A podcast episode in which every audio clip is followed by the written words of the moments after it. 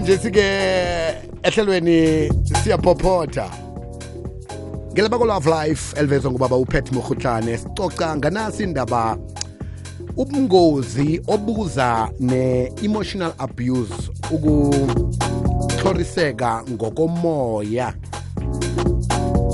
Kuyini lokho kuthini biziwe? Khona-ke udade udocas wakwanhlapho ukusihlahlula i-gender based violence i-gbv ngorhunyeziweko isesesitshijile esikhulu enarheni eziningi zephasi begoduke irhagaliswe khulu kuqinteliswa kwamakhambo okulethwe yi-covid-19 kanti-ke kuyaziwa bona i-gbv imraro omkhulu esewula afrika apha lapho kubulawa kwabafazi kusezingeni elithusako. Kuhle kuhle izinga leli esicoca ngalo nasithi liyathusa nje libuyelelwe kahlanu nakulinganiswa nezinye iinarha zephasi. Imbalobalo lezi-ke ziragela phambili ngokuba zimbi ziyakhuphuka ziyaphezulu nekuyinto-ke ebonakala eh empilweni zabantu bengubo besewula afrika.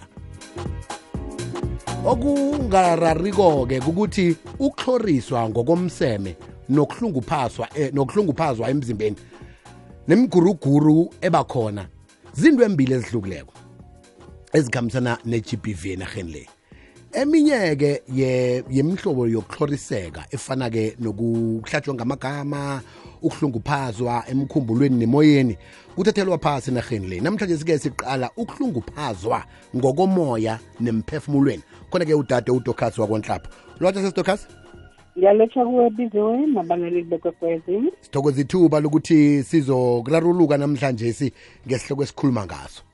Ngithokoza yinto enjani ukuhloriswa emoyeni?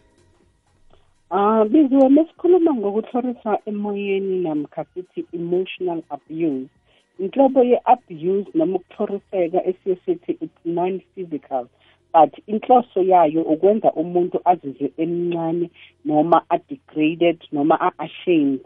Ihlukile kakhulu ku-physical abuse because ku-physical abuse uyabonakala kuba nama-bruises abonisayo ukuthi you are under i-abuse mm. le eyasemoyeni ayibonakali that is why sithi it's non-physical but isaseyinhlobo ye-abuse usakhuluma ngamathwayo nje. Ngengiwaphi-ke amathwayo esiwabonako lokhu umuntu nakahloriswe hloriseke emphefumulweni nemoyeni? Kaningi mangabe uthloriseke emphefumulweni or emotional abuse. Kuye kube nezinto ezifana naboma-low self esteem ukungazithembi lokhu mangabe umuntu mangabe mele azi-expresse noma abe phakathi kwabanye abantu. Uzizwa kakhulu a-isolated angabhilongi noma angazifanisi nabanye abantu. And leyo nto ingambangela ukuthi ekugcineni abe nezinto ezifana nabo-depression ne-anxiety because now we are always anticipating ukuthi what is this person going to do to me? Uzothini ngami uzongihumilata uzohlekisa ngami phakathi kwabantu uziza umncane kakhulu not belonging anywhere that is why most of the time. Abanye baze babe nemicabango ngisho of suicide in terms of emotional abuse. Alo nayikhibe mhlawumbe umuntu uhloriseke ngokomphefumulo namtshana ngokomoya wahlala wangayisikimeli into leyo. Mhlawumbe ngenguphi engingaba mphumela chronic illness ze-depression kakhulu ukuthi uhlukumezeke kakhulu ngokomkhumbulo ngibalile i-depression ne-anxiety because ukhumbule ukuthi ukuhloriseka lokho emphefumulweni kaningi um wena biziwe um njengoba sishilo ukuthi it's a constant criticizing umuntu noma umlingani wakho nabantwana. Kuhle kuhle futhi siyakwenza nathi abebelethi ebantwaneni uthola ukuthi kwesinye isikhathi ubiza umntwana ngamagama hayi lento emnyama le hayi ayithanda ifana nobani. All those things amagama angasimnandi amagama akhekayo ngaphakathi akhula nomuntu amhlukumeze umuntu agcina angasazizwa ukuthi mhlambe uba ne-mental health illness noma i-mental health well-being yakhe ayibi right wena wena biziwe. Shouting at people and yelling at people and sharing sharing kakhulu in sharing you know. Um uthola ukuthi manje when mawushouta umuntu uzwa ivoice yakho biziwe uzwa ngisho ukude athi nangu uyeza seke phathwa mm. yithanda umuntu physically mm. it affects you physically because you might be having those pains. Omunye uba nama eh, eh, eh, eh babiza nama anxiety attacks thole mm. ukuthi awukwazi nokuphefumula because now you can't even say it because uthukile uba so so shocked kuba the shock emzimbeni it's a very painful one you know. Sometimes thola ukuthi omunye umuntu just by pushing at you you know eh, akakuboni you, you are nothing you are nothing. Those words that we say on each other. Ne-bullying-ke kubantwana kakhulu esikoleni the bullying that is why there, is a high rate of suicide in school because of the bullying the is one of them that we need to attend as well nokuthi siyibhekisise njengababelethi and ne-community as a whole. And ne-verbal threat. I will kill you. You are nothing hmm. without me you will never succeed in life. Those things like that ziyakhela mm. kumuntu phakathi and really even if the person was supposed to achieve something at the end of the day those words they come haunting you. Uba nama-nightmares sometimes mm. even if when you think about them you can't even sleep. They affect your sleeping patterns your eating patterns.